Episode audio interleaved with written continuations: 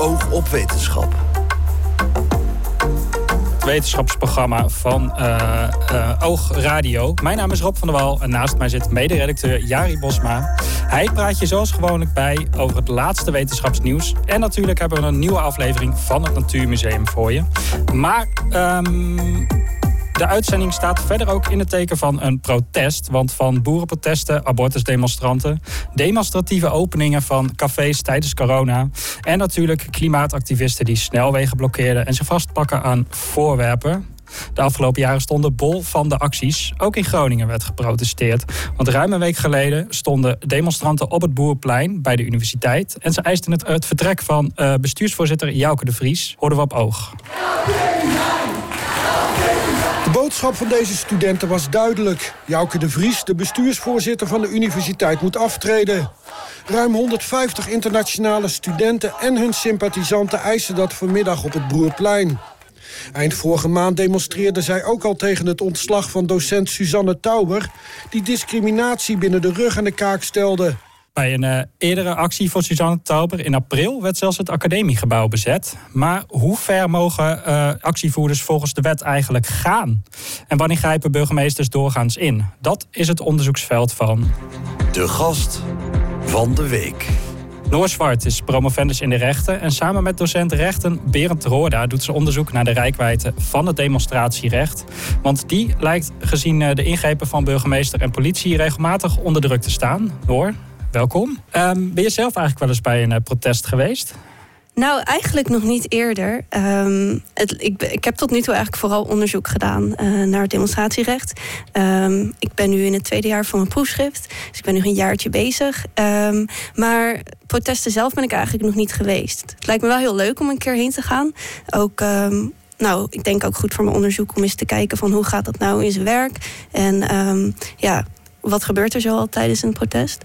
Maar nou, dan meer als, wel als onafhankelijk onderzoeker kijken van uh, of ik ook bijvoorbeeld uh, advies kan geven of zo. Dat lijkt me wel leuk. Dat is toch gewoon gek dat je als, als onderzoeker uh, onderzoek doet naar demonstreren, demonstratierecht. En dan nog niet ook eens even bent gaan kijken bij een demonstratie om te zien hoe, dat nou, uh, hoe die mensen daar nou bij staan? Ja, ik heb wel zelf voor, voor mijn onderzoek wel één of twee keer ben ik gaan kijken bij een anti-abortus demonstratie in Groningen ook eentje. Um, dus in dat, in dat kader ben ik wel eens heel kort uh, langs gefietst of heb ik even gekeken van hoe, hoe is die situatie nu. En wat viel je dan op? Um, ja, dat is, dat is wel lastig om te zeggen. En het verschilt gewoon heel erg per situatie wat er gebeurt en per protest. Um, ik heb in Groningen een keer een protest bijgewoond. En toen was er wel um, nou, een klein geschil tussen iemand die de kliniek bezocht en, um, en een aantal anti-abortus-demonstranten. Maar in een ander geval, in Amsterdam, stonden ze op afstand uh, achter een tafeltje. En was, toen was toevallig de burgemeester van Amsterdam, Femke Halsema, in gesprek met die demonstranten. Oké. Okay. Dus, uh, en dat verderop staan achter een tafeltje. is, dat dan, is dat dan verplicht dat ze daar gaan staan? Ja, dat is dan een voorschrift dat de burgemeester heeft gesteld. En daar moeten de demonstranten zich dan aan houden. Ah, oké. En uh, vorige week zag ik in het nieuws oordeelde de rechter nog dat uh, uh, burgemeester Koen Schuiling terecht ingreep bij een demonstratie voor een abortuskliniek in Groningen. Misschien wel diegene waar jij ook bij langs bent gefietst. Um, en daardoor moeten demonstranten nu verderop gaan staan. Hoe kijk jij daar als jurist dan naar? Um, nou, ik heb inderdaad die uitspraak wel even bekeken. En ik denk dat het op zich een redelijke uitspraak is. Um, kijk, burgemeesters die mogen uh, in principe beperkingen uh, stellen aan demonstraties. En ook bij anti-abortus demonstraties. Waar Um, nou, eigenlijk ook sprake is van een soort botsing van rechten. Enerzijds heb je het privacyrecht van de uh, kliniekbezoekers. Maar ja, demonstranten mogen ook demonstreren. Dus het is ook een beetje een afweging tussen de twee. En nou, ik kijk dan uh, vaak naar hoe zijn die beperkingen opgelegd? Hoe zijn die gemotiveerd? En um, zijn die op een juiste wijze gemotiveerd? En ik heb nou, ik zie in Groningen wel dat dat wel vrij uitvoerig dan wordt gemotiveerd waarom ze welke beperking opleggen en op welke grond. Dus ja, wat mij betreft wel redelijk. Daarmee juridisch ook, uh, ja, juridisch ook wel juist gedaan. Ja, ja. oké. Um, misschien moeten we eerst even een stukje uitzoomen. Want wanneer is iets echt een protest? Dat is een goede vraag.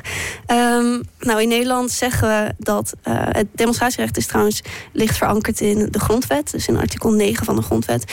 En um, nou, we spreken eigenlijk van een demonstratie op het moment dat je drie elementen hebt. collectiviteit, dus er moet sprake zijn van twee of meer personen. Um, het protest moet in het openbaar zijn, dus moet een bepaald uitstralend karakter hebben.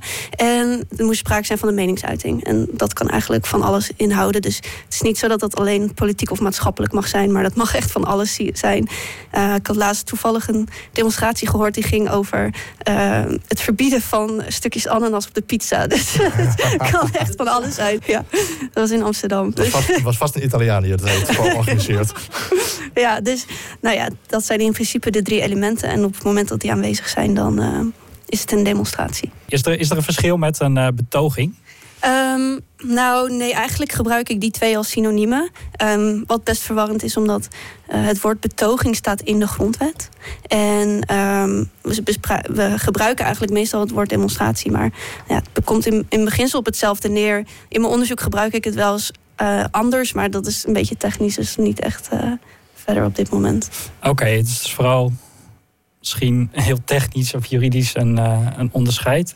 Ja. Um, en dan hebben we ook nog, om het rijtje even compleet te maken, een vergadering. Of ja. een openbare vergadering. Mm -hmm. Dat is um, in Nederland um, staat het uh, vergaderingsrecht ook in de grondwet. En het staat in hetzelfde artikel. Dus je hebt artikel 9 grondwet. En daarin wordt zowel het recht op betoging, dus demonstratierecht, uh, beschermd als het recht op vergadering. En um, nou, het verschil zit er vooral in. Het zijn dus aparte grondrechten, maar ze lijken wel enigszins op elkaar. Um, waar het vergaderingsrecht eigenlijk meer ziet op het soort van onderling uitwisselen van meningen, gaat het bij het demonstratierecht meer om het uitdragen van je mening naar, naar anderen. Dus ze hebben wel overlap, maar er zit een verschil in. Maar op internationaal niveau, en dat is een beetje verwarrend. Je hebt op internationaal niveau ook verschillende verdragen, um, mensenrechtenverdragen. En daarin wordt het demonstratierecht ook beschermd. Um, zo heb je het Europees, recht voor de, uh, Europees Verdrag voor de Rechten van de Mens. En in artikel 11 wordt dan ook het demonstratierecht beschermd. Maar dat staat dan omschreven als um, het recht op vrijheid van vreedzame vergadering. En dat heeft een andere betekenis dan in Nederland. Want uh, dat vergaderingsbegrip wordt op internationaal niveau eigenlijk meer gezien als een overkoepelend begrip voor allerlei bijeenkomsten. Dus zowel um, demonstraties als vergaderingen. Nou, gewoon allerlei vormen van het bijeenkomen. Oké, is demonstratie of is een vergadering dan groter dan een demonstratie, als ik het ja, het is, het is denk ik om, om veel verschillende vormen van het bijeenkomen in één artikel te vatten. Hebben ze het dus op internationaal niveau heel breed gehouden. Terwijl we in Nederland hebben gekozen voor um, het apart regelen van het vergaderings- en het betogingsrecht. Oké, okay, um, in de coronatijd zagen we ook demonstratieve openingen van theaters, cafés. Is zoiets ook een protest? Uh, ja, daar is wel veel um, ja, over getwist destijds. Omdat omdat het er uh, volgens mensen toch op leek alsof zij um, gewoon um, hun grond, uh, zeg maar, wilden doen alsof ze een grondrecht uitoefenden, terwijl ze eigenlijk iets anders deden. Maar ja, ik zou zeggen dat je, ja, dat, dat je het er wel onder kan scharen, omdat. Kijk, anders ga je zitten aan de inhoud van het protest. En um, burgemeesters, die, dat staat ook in de wet, die mogen zich in beginsel niet bemoeien met de inhoud van protesten. En dat zou je dan eigenlijk wel doen op het moment dat je zou zeggen: um, dat is geen demonstratie meer. Dus ik zou zeggen, ja, leg het recht wel breed uit en mm -hmm. schaar het eronder. Als je er, kijk, als je het wil beperken, dan, dan kan dat alsnog. Um, maar dat moet dan volgens de wet, volgens de demonstratiewet. Ik kan me voorstellen dat dat gevaar er dan wel is, dat het een steeds groter uitbreidender begrip wordt. Dat alles wat op het randje zit, waarvan je dan zegt van ja, moet ik het eigenlijk gaan inperken? Of moet ik zeggen, oké, okay, dat is ook gewoon een protest. Want anders dan ja, meng ik me misschien in iets waar ik me eigenlijk helemaal niet in had mogen mengen als burgemeester. Is dat een gevaar?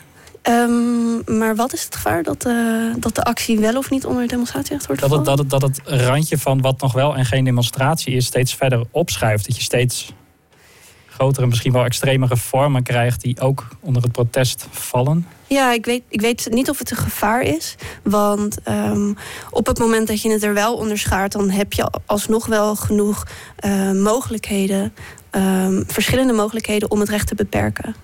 Dus ik denk niet dat het een gevaar is dat, het, dat de rijkwijde breed wordt uitgelegd. Ik denk dat het juist wel belangrijk is dat een, uh, dat een grondrecht vrij breed kan worden uitgelegd. Um, maar grondrechten zijn gewoon niet absoluut. Dus je kunt ze altijd, nou niet, nou, de meeste niet. Dus in een. In beginsel kun je het wel gewoon beperken. Oké, dus je kunt wel gewoon zeggen... de demonstratieve openingen, theatercafés... valt onder een demonstratie. En zodra ze echt dingen gaan doen die niet door de beugel kunnen... dan kunnen we alsnog ingrijpen? Nou, ik denk niet dat het. Het is wel belangrijk om te zeggen dat het nog wel per um, geval verschilt of het eronder valt of niet. Kijk, als het echt een bepaald meer een evenement is, dan, dan kan er, kunnen er wel elementen in zitten die dan niet meer onder het demonstratierecht vallen, omdat, omdat de meningsuiting niet centraal staat. Dus het is wel heel belangrijk dat dat het gaat over het gezamenlijk in het openbaar je mening uiten. Ja. Um, maar als het bijvoorbeeld meer um, gewoon het, het uh, organiseren van een bepaalde activiteit is of zo, dat, um, dan valt het er soms niet meer buiten. Niet ja, meer in. Dus dat is kan wel ingewikkeld zijn. Ik kan me herinneren dat ik inderdaad eens gelezen heb dat er ook grotere feesten. Of dat er, dat er bijvoorbeeld boerenprotesten waren waarbij heel veel randactiviteiten waren met, met, met optredens en springkussen voor de kinderen en mhm, zo. Dat dan nog wel. De vraag is, gaat het dan nog wel om een protest of is het gewoon een dagje uit met z'n allen? Ja, dus um, wat je wel ziet is dat er dan soms een onderscheid gemaakt wordt tussen tijdens zo'n demonstratie dat bepaalde delen van ervan wel um, in het teken staan van het uiten van de mening. En dat is dan dus wel beschermd door het demonstratierecht. Maar dat je bijvoorbeeld voor andere dingen, uh, dat die andere aspecten, dat die zeg maar niet um, echt gaan om het uiten van een mening, dat die dan dus niet onder dat recht vallen, maar, maar um, nou, dat je bijvoorbeeld ook een vergunning moet aanvragen voor bepaalde um, podia of zo. Ah ja. ja, je mag niet zomaar een mega groot podium uh, opbouwen onder de noemer van uh, je protest. Nee, nou in principe um, moet je dat dan bij de gemeente aangeven. En um, dat, die vergunning wordt dan wel meestal verleend. Maar dat moet je dan wel vaak zelf even regelen via een vergunning. Oké. Okay. Um, sinds wanneer mag je eigenlijk protesteren? Oeh. Is dat, is dat, wanneer, wanneer is dat apart ontstaan ja, in, de grondwet? In de grondwet, ik denk ja. demonstreren is in principe wel al, ja, dat is echt super oud. Maar in 1983 is het in de grondwet gekomen. Dus Um, het vergaderingsrecht stond al veel langer in de grondwet. Um, echt al heel lang. Um, en op een gegeven moment heeft de wetgever gezegd van het demonstratierecht, dat is zo belangrijk. Uh, of, of dat heeft in ieder geval op zichzelf zoveel belang gekregen dat we het er apart ook inzetten. Mm -hmm. voorheen werd het dan wel een beetje geschaard ook onder het vergaderingsrecht. En nu zei de wetgever, uh, we zetten het er apart in. En wel in hetzelfde artikel. In het licht daarvan ja, is het, is het betogingsrecht dan ook belangrijker geworden dan het vergaderingsrecht op een gegeven moment? Of meer gebruikt? Of... Nou, aanvankelijk dacht men eigenlijk dat het demonstratierecht niet misschien wel een beetje zou. dat de aandacht daarvoor voor wel zou gaan verflauwen. Dus ze wisten niet helemaal zeker of het echt een heel relevant, nou, veel gebruikt grondrecht zou worden. En nu zie je dus dat het demonstratierecht ontzettend veel wordt gebruikt. En uh, het vergaderingsrecht is juist in ieder geval in, in de rechtsliteratuur wordt daar niet heel vaak een beroep op gedaan als je het vergelijkt met het demonstratierecht. Dus um, in die zin heeft het het iets overschaduwd. Ja, het is nou ook geen geheim natuurlijk dat de, hoeveelheid protesten tegenwoordig een stuk meer is dan 20 jaar geleden, 30 jaar geleden. Heb jij cijfers voor ons uh, met hoeveel het al is toegenomen? Um, nou, ik kan een schatting doen. Um, ik denk aan het begin van de eeuw werd er bijvoorbeeld in de grote steden waar het meest wordt gedemonstreerd, dat zijn dan Den Haag en Amsterdam. Um, bijvoorbeeld in Den Haag wel rond de 300 aan het begin van de eeuw. En dan nu wel per jaar. En nu wel uh, rond de 2000 per jaar. Dus dat is wel heel erg toegenomen. Dat kun je wel zeggen, ja. ja. Oké, okay. dat is een uh, flinke toename. Um, en en uh, um, een van de onderdelen van het programma die we ook hebben... is een vraag van de gast van de vorige uitzending. Dat was historica Charlotte Dommerold. Zij heeft een vraag over het effect van protesten. En ze stelt hem zelf aan je. Ik heb het idee dat er steeds meer protesten zijn, meer, ook meer demonstraties, zoals bijvoorbeeld onlangs ook nog in het academiegebouw van de, van de universiteit. Kan het juist zo zijn dat meer protesteren en steeds meer demonstraties juist voor zorgen dat, er, dat het minder effect heeft? En dat mensen bijvoorbeeld protestmoe worden of het nieuwtje eraf is. Dus dat het juist averechts gaat werken. ja, worden mensen een beetje protestmoe misschien?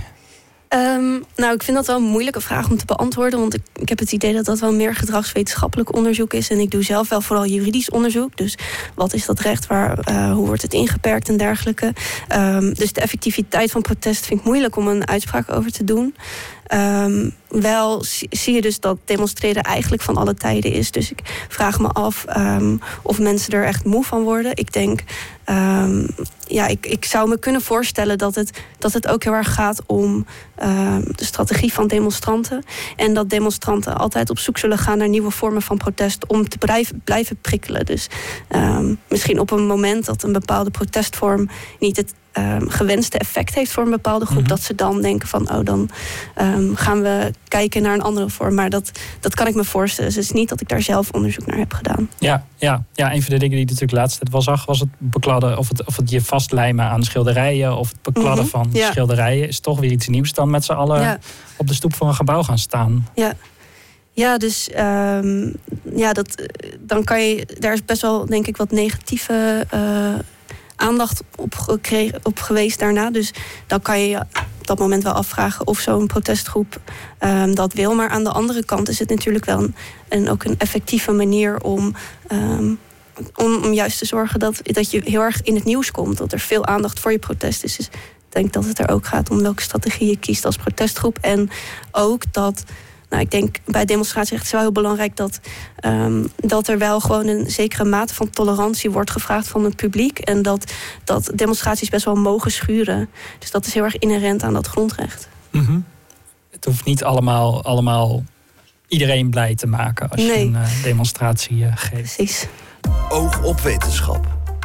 Ja, nog, je luistert nog steeds naar uh, Oog op Wetenschap op Oog Radio. In de studio is nog steeds jurist Noor Zwart. En zij doet onderzoek naar het demonstratierecht in Nederland. Want dat lijkt aardig onder druk te staan. Um, ik hoorde zelf wel eens uh, behoorlijke uh, kritiek op het ingrijpen van de politie en de burgemeester bij protesten. Ze zijn te streng, ze meten met twee maten. Ja, in hoeverre wordt dat demonstratierecht eigenlijk nageleefd? Heb je daar een beetje een idee van? Um, door, door de autoriteiten dan specifiek? Ja, ja. burgemeesters, um, politie. Nou, ik moet zeggen dat ik daar niet heel, uh, zelf niet heel uitgebreid onderzoek naar doe. Je hebt natuurlijk, uh, afgelopen jaar is er een rapport uitgekomen van Amnesty International. Uh, waarin zij zeggen demonstratierecht staat onder druk. Waar, omdat um, de autoriteiten te veel een veiligheidsbril zouden op hebben op, op het moment dat zij te maken krijgen met demonstraties. Um, en daardoor te veel beperkingen op willen leggen. Eerder heb je ook de Nationale Ombudsman die ook een vergelijkbare conclusie uh, trok. Dus er zijn wel instanties die zeggen dat het onder druk staat. Zo ook uh, het College voor de Rechten van de Mens.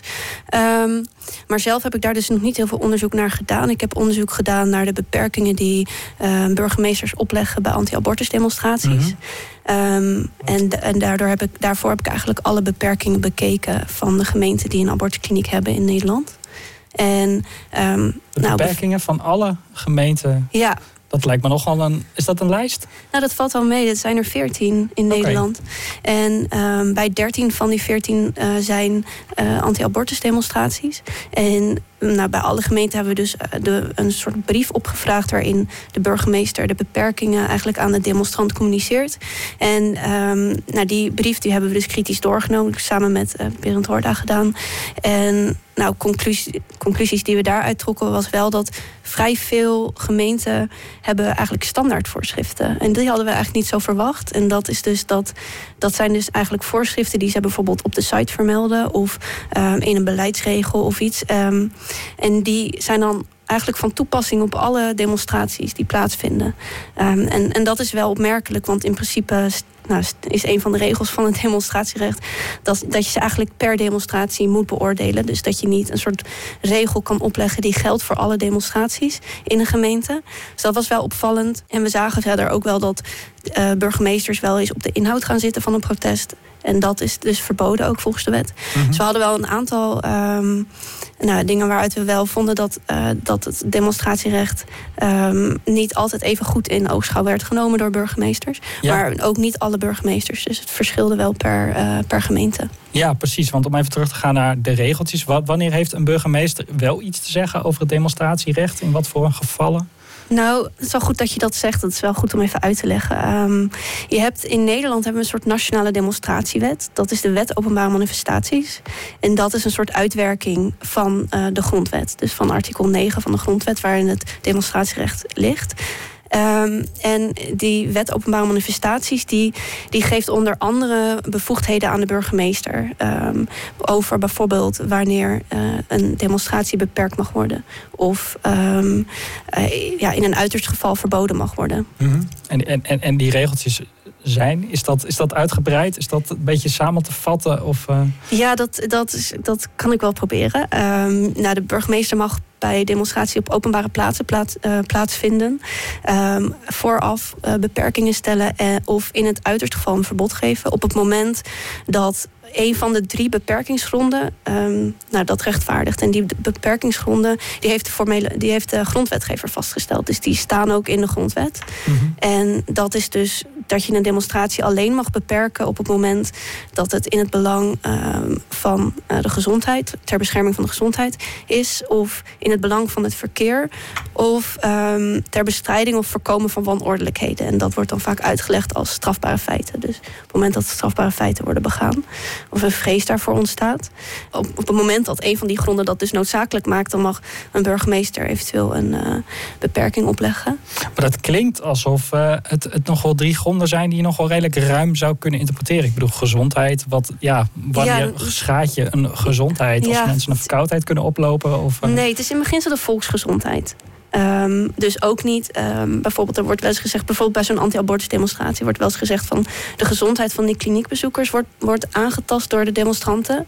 Um, maar nee, in beginsel psychische, psychische gezondheid wordt daar dan niet onder geschaard. Dus het is vooral de volksgezondheid. Bijvoorbeeld een epidemie.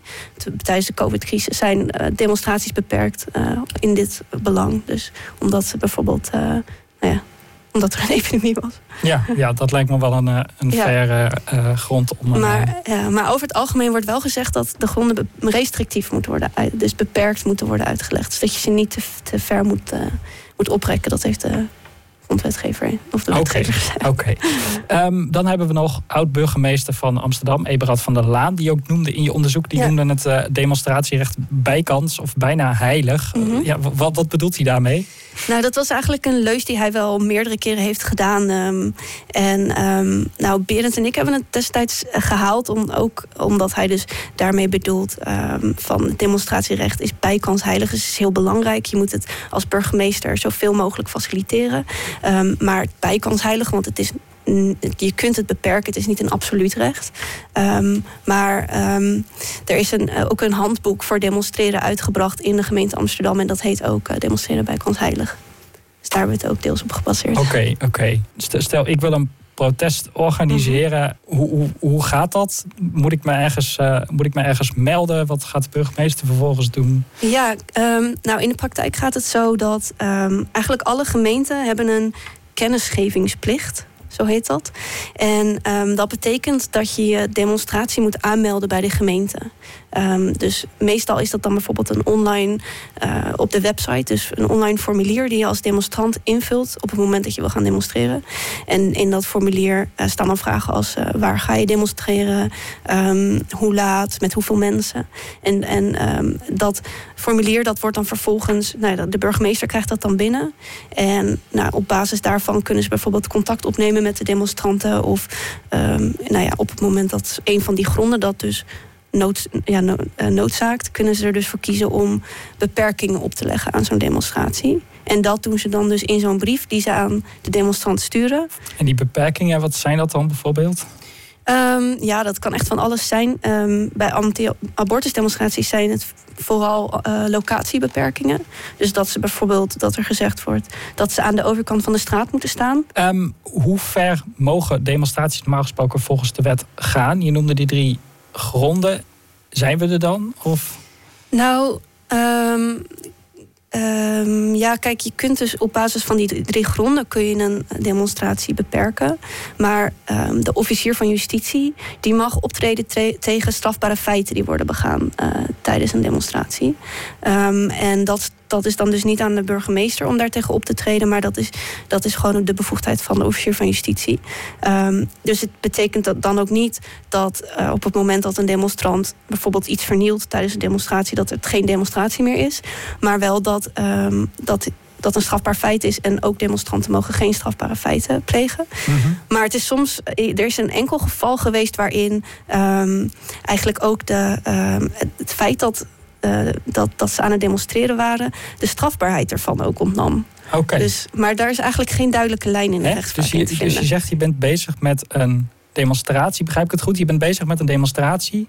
Dan kun je ineens iets maken wat normaal gesproken niet mag, maar wat dan ineens onder de demonstratie valt? Ja, dat, ja dat, daar is dus niet een lijn in. En dat zal ook maar niet, in de meeste gevallen zal dat ook niet zijn op het moment dat je iets vernielt of zo. Bijvoorbeeld uh, de demonstranten die de deur van het gemeentehuis van het provinciehuis in Groningen vernielden of zo. Dat, daar, daar zijn ze wel voor veroordeeld. Maar um, dit was bijvoorbeeld een zaak waarin uh, Greenpeace-activisten een boorplatform, volgens mij op de Noordzee, um, bezetten. Ja. En um, nou, dat, is, nou, dat is in strijd met wat is het, de mijnbouwwet of zo.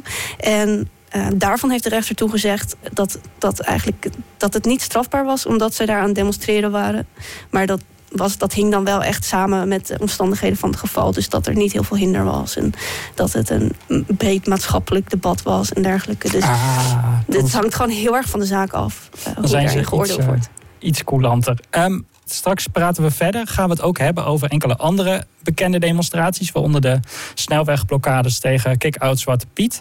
Maar speciaal voor degenen die twee weken geleden al zaten te wachten... hoor je nu weer een verse aflevering van onze museumrubriek. Welkom in het Natuurmuseum van Klaas Nanninga. In een uh, woonhuis aan de Groningse Korreweg runt Klaas Nanninga zijn eigen natuurmuseum. Een complete verdieping, maar ook zijn werkkamer en zelfs de woonkamer staan vol met planten, dieren, schimmels en alles ertussenin. Elke aflevering van Oog Wetenschap is er ruimte voor een bijzonder voorwerp uit de collectie van Klaas.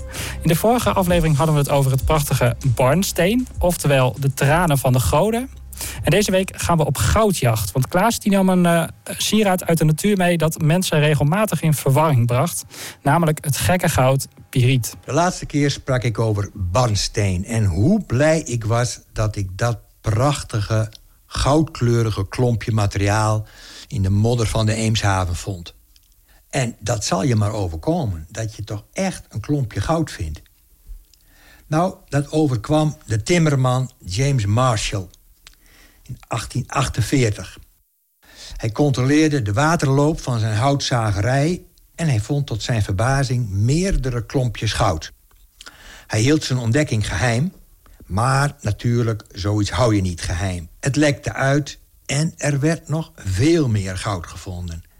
Zoveel dat de echte goudkoorts uitbrak. Een krant uit die tijd schrijft: Iedereen loopt weg lezers en drukkers. En roept alleen maar goud, goud. De velden worden niet meer bewerkt, huizen worden niet meer afgebouwd. En het enige wat men doet, dat is schoppen en hakken, smeden om zelf goud te gaan zoeken. Helaas zijn wij dus gedwongen om deze krant te staken en is dit ons laatste bericht. Heel vaak wordt in de buurt van goud iets goudachtigs gevonden, het piriet. Voor me liggen verschillende stukken piriet. Soms zijn het kleine kristalletjes, gemengd met bergkristal. Maar soms zijn het ook mooie dobbelsteengrote kubusjes... die je zo in het gesteente kunt uithakken. Of, als ze wat meer de ruimte hebben... kunnen die kubusjes tot een soort stapeling uitgroeien... tot prachtig goudkleurig materiaal. En ik kan me als leek voorstellen dat als je dat opeens tevoorschijn haalt, dat je echt denkt dat je goud gevonden hebt. Natuurlijk, het was het niet. En dus kreeg het de bijnaam gekkengoud. Fool's gold. Het goud van de dwazen die niet doorhadden wat echt goud was. Piriet is een verbinding van ijzer en zwavel. En dat vormt prachtige kristallen die soms hele grote kubussen uitgroeien. Piriet, dat lijkt op het woord pyromaan. En dat klopt. Piriet is zelf niet brandbaar, maar van piriet werd vroeger een soort vuursteentje gemaakt die gebruikt werd in oude pistolen. Maar na een tijd gebruik ontdekte men dat het toch niet zo bruikbaar was omdat het te zacht was. En nu gebruiken we piriet nog bij allerlei chemische processen om zwavelzuur of verf te maken. Als je nu de goudzoekerij volgt, dan weet je dat er in het Amazonegebied nog steeds goud wordt gevonden. Daarvoor wordt het oerwoud gekapt, maar nog erger, de bodem wordt afgegraven en die wordt met kwik behandeld. Want dat is de manier om het goud uit de grond te krijgen. Daarna wordt het goudkwik, die verbinding, weer verhit om het goud eruit te halen. Maar het kwik spoelt de rivieren in of in de voedselketens, waar het ernstige schadelijke gevolgen heeft. Dus zo wordt van het prachtige natuurlijke goud, wat de Amazone is, wordt een soort chemische woestijn gemaakt. Dus bepaald geen Eldorado. Volgende keer in deze serie gaat het over dat ook alweer prachtige kwik, maar wat ook zo giftig is dat je eraan overlijdt. En daarover volgende keer. Over twee weken de laatste aflevering van het Natuurmuseum. En kun je nou geen genoeg krijgen van deze verhalen? Ga dan vooral eens op bezoek bij Natuurmuseum Klaas Nanninga. Het Natuurmuseum aan de Korreweg is eh, van maandag tot en met vrijdag op afspraak geopend. Ook s'avonds. En het telefoonnummer van Klaas en meer informatie is te vinden op klaasnanninga.nl. Oog op wetenschap. Ehm, leuk dat je luistert naar Oog op Wetenschap op Oog Radio. Vanavond hebben we het over demonstraties. Want hoe ver mag jij als demonstrant eigenlijk gaan? Daarover praten we met jurist Noor Zwart. Um, jij deed zelf onderzoek naar onder andere die abortusdemonstraties. En, uh, maar er zijn de afgelopen jaren ook veel meer andere demonstraties geweest. Uh, zoals aan universiteiten. Twente, Amsterdam, Delft, Eindhoven, uh, Utrecht, Rotterdam. En daar waren onder andere bezettingen van actievoerders de fossiele industrie de banden daarmee te verbreken. Oftewel het onderzoek dat die universiteiten samen met bijvoorbeeld Shell doen moet stoppen. En ook in Groningen was er eind april een protest gaande. Je hoort het al even in het intro van deze uitzending. Uh, docent en onderzoeker sociale veiligheid Susanna Toiber is omslagen omdat ze kritisch was op het promotiebeleid van de universiteit. Het universiteitsgebouw werd onder andere bezet en demonstranten eisten dat de universiteit Toiber terug in dienst neemt. Um, Noor, mag jij juridisch gezien zomaar een gebouw bezetten zoals dat dus uh, gebeurd is? Um, nou, in beginsel vallen bezettingen uh, vallen wel onder het demonstratierecht, um, mits ze ook vreedzaam zijn. Um, en nou, zo'n protest als dit, dat valt wel onder het demonstratierecht. maar dat, valt, dat betekent dus niet dat, dat er vervolgens geen beperkingen aan mogen worden gesteld of dat het op een gegeven moment niet beëindigd mag worden. Mm -hmm. dat zag je ook uh, gebeuren ja, op een gegeven moment. Ja, het interessante hier is dat ook bij, bij eigenlijk bezettingsacties geldt uh, vaak een ander soort regime van het recht, uh, van het demonstratierecht. Want um, de, meeste, nou, de meeste demonstraties zijn toch wel op openbare plaatsen. En um, dit is, dit is een, uh, niet een openbare plaats, um, maar wel voor het publiek toegankelijk. en daar mag je ook demonstreren, maar daar geldt dan net een ander juridisch regime. dus de burgemeester die mag bijvoorbeeld niet vooraf beperkingen stellen aan zo'n demonstratie. Zou dit dan net zo'n plek zijn als bijvoorbeeld demonstreren in een supermarkt? Juridisch gezien?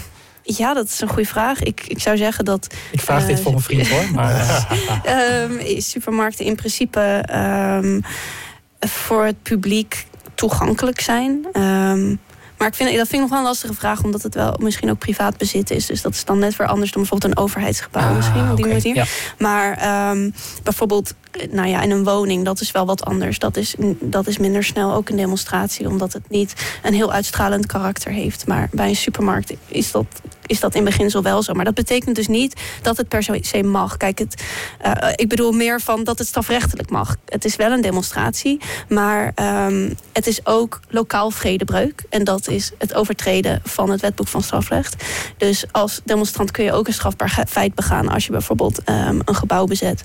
Uh, en, en de persoon van wie dat gebouw is, de beheerder of de eigenaar, wil dat jij weggaat. En mm -hmm. heeft dat ook aan jou meerdere keren kenbaar gemaakt, dan, dan is dat in beginsel ook, ook een strafbaar feit. Net zoals bijvoorbeeld het bezetten van de snelweg. Oké, okay, maar je ziet dan toch dat het een tijdje lang wordt ja. toegestaan. Tot inderdaad op een gegeven mhm. moment wat vertelt, nou, jullie moeten ja. nu eigenlijk wel wegwezen, anders dan halen we de politie dat eh, klopt. erbij.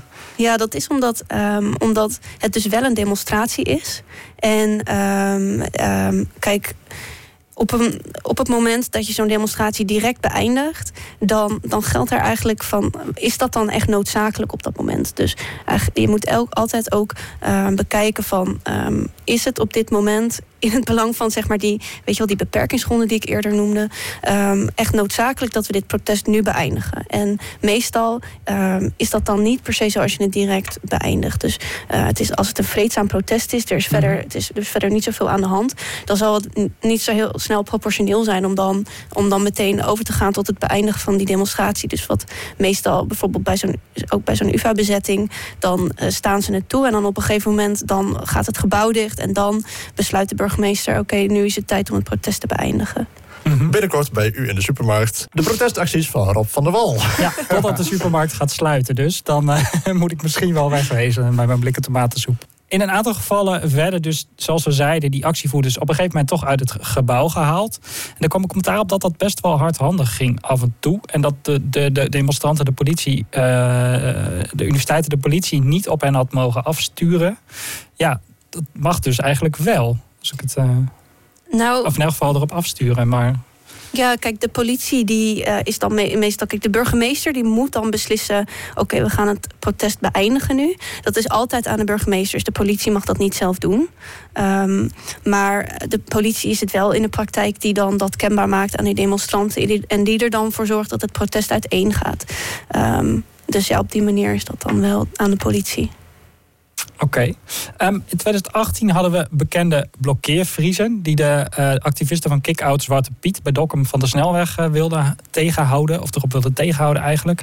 En daar werd dus een protest gebruikt als dwangmiddel, heb ik geleerd. Wat, wat houdt dat in? Nou, um, ja, kijk, je hebt dus wat ik eerder noemde, heb je die drie elementen van een protest wanneer het een demonstratie is. Dat is dus die ja, met twee of meer personen in het openbaar uh, je mening uiten. En um, op het moment dat die meningsuiting dus niet meer op de voorgrond staat, maar naar de achtergrond gaat. Uh, en er bijvoorbeeld sprake is van een ander element dat dan vooral op de voorgrond staat, zoals dwang. Dan zeg je dus niet meer dat het een demonstratie is. Dus dan is die actie, die valt dan niet meer onder, die wordt niet meer beschermd door het demonstratierecht. En, dat is dus wat die blokkeervriezen deden? Die deden iets ja, wat. Uh... Klopt.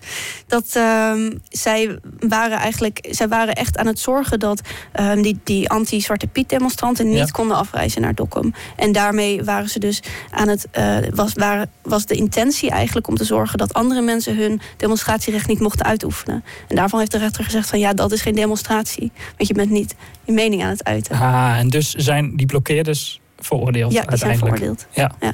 Um, een van de nieuwste protestvormen is een zogenaamde virtuele protestactie. Ik zit dan te denken aan allemaal gamers die ergens in de metaverse een protest hebben gebouwd. Maar wat, wat houdt dat in? Um, ja, dat kan van, ja, kan, kunnen verschillende dingen zijn, denk ik. En ik denk dat we de komende tijd ook nog wel gaan zien wat het allemaal kan zijn.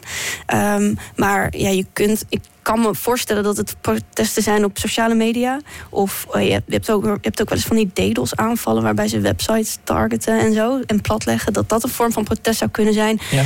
En volgens mij heb je ook wel eens een, een protest gehad op, op, zo, op Second Life. Dat is zo'n um, zo'n videogame. Maar ik weet niet, weet ik de details niet van. Maar dat vond ik wel een grappig bericht uh, toen ik dat las. Ah, oké. Okay. Ja, de Sims komen, komen ja, in me op. Is dat een beetje ja, dat, dat volgens mij is dat zoiets. Oké. Okay. Um, ja, en, en dat is wel heel, een hele interessante protestvorm. Omdat je je heel erg kan afvragen van uh, hoe zit dat nou eigenlijk? Valt dat nog onder de rijkwijde van het recht? Ja. Uh, zijn er zelf nog protesten die je eigenlijk uh, wilt gaan onderzoeken? Um, nou, eigenlijk zijn er echt heel veel verschillende vormen van protest die ik zou willen onderzoeken. Um, ik onderzoek op dit moment um, demonstraties bij de huizen van politici en andere personen. Um, wat je natuurlijk afgelopen jaar wel meerdere keren hebt gehad. De protesten bij Van der Wal en bij, bij minister Kaag. maar ja, ik vind in principe demonstraties in het algemeen gewoon heel interessant. En dan gaat het mij niet zozeer om, uh, om de inhoud van het protest, maar meer, nou ja, alle, aller, allerlei soorten vormen van protest. Zolang het maar uh, protest is. ja. erbij kunt kijken. Uh, Noor Zwart, jurist en onderzoeker van de rijkwijde van het demonstratierecht aan de Rijksuniversiteit Groningen. Leuk dat je het gast was. Dan is het nog aan jou de beurt om een vraag te stellen aan de gast van onze volgende uitzending. Dat is namelijk op 1 juli. En dan is psycholoog Janneke Koerts hier in de studio. Zij doet onderzoek naar de financiën van mensen met ADHD en dementie.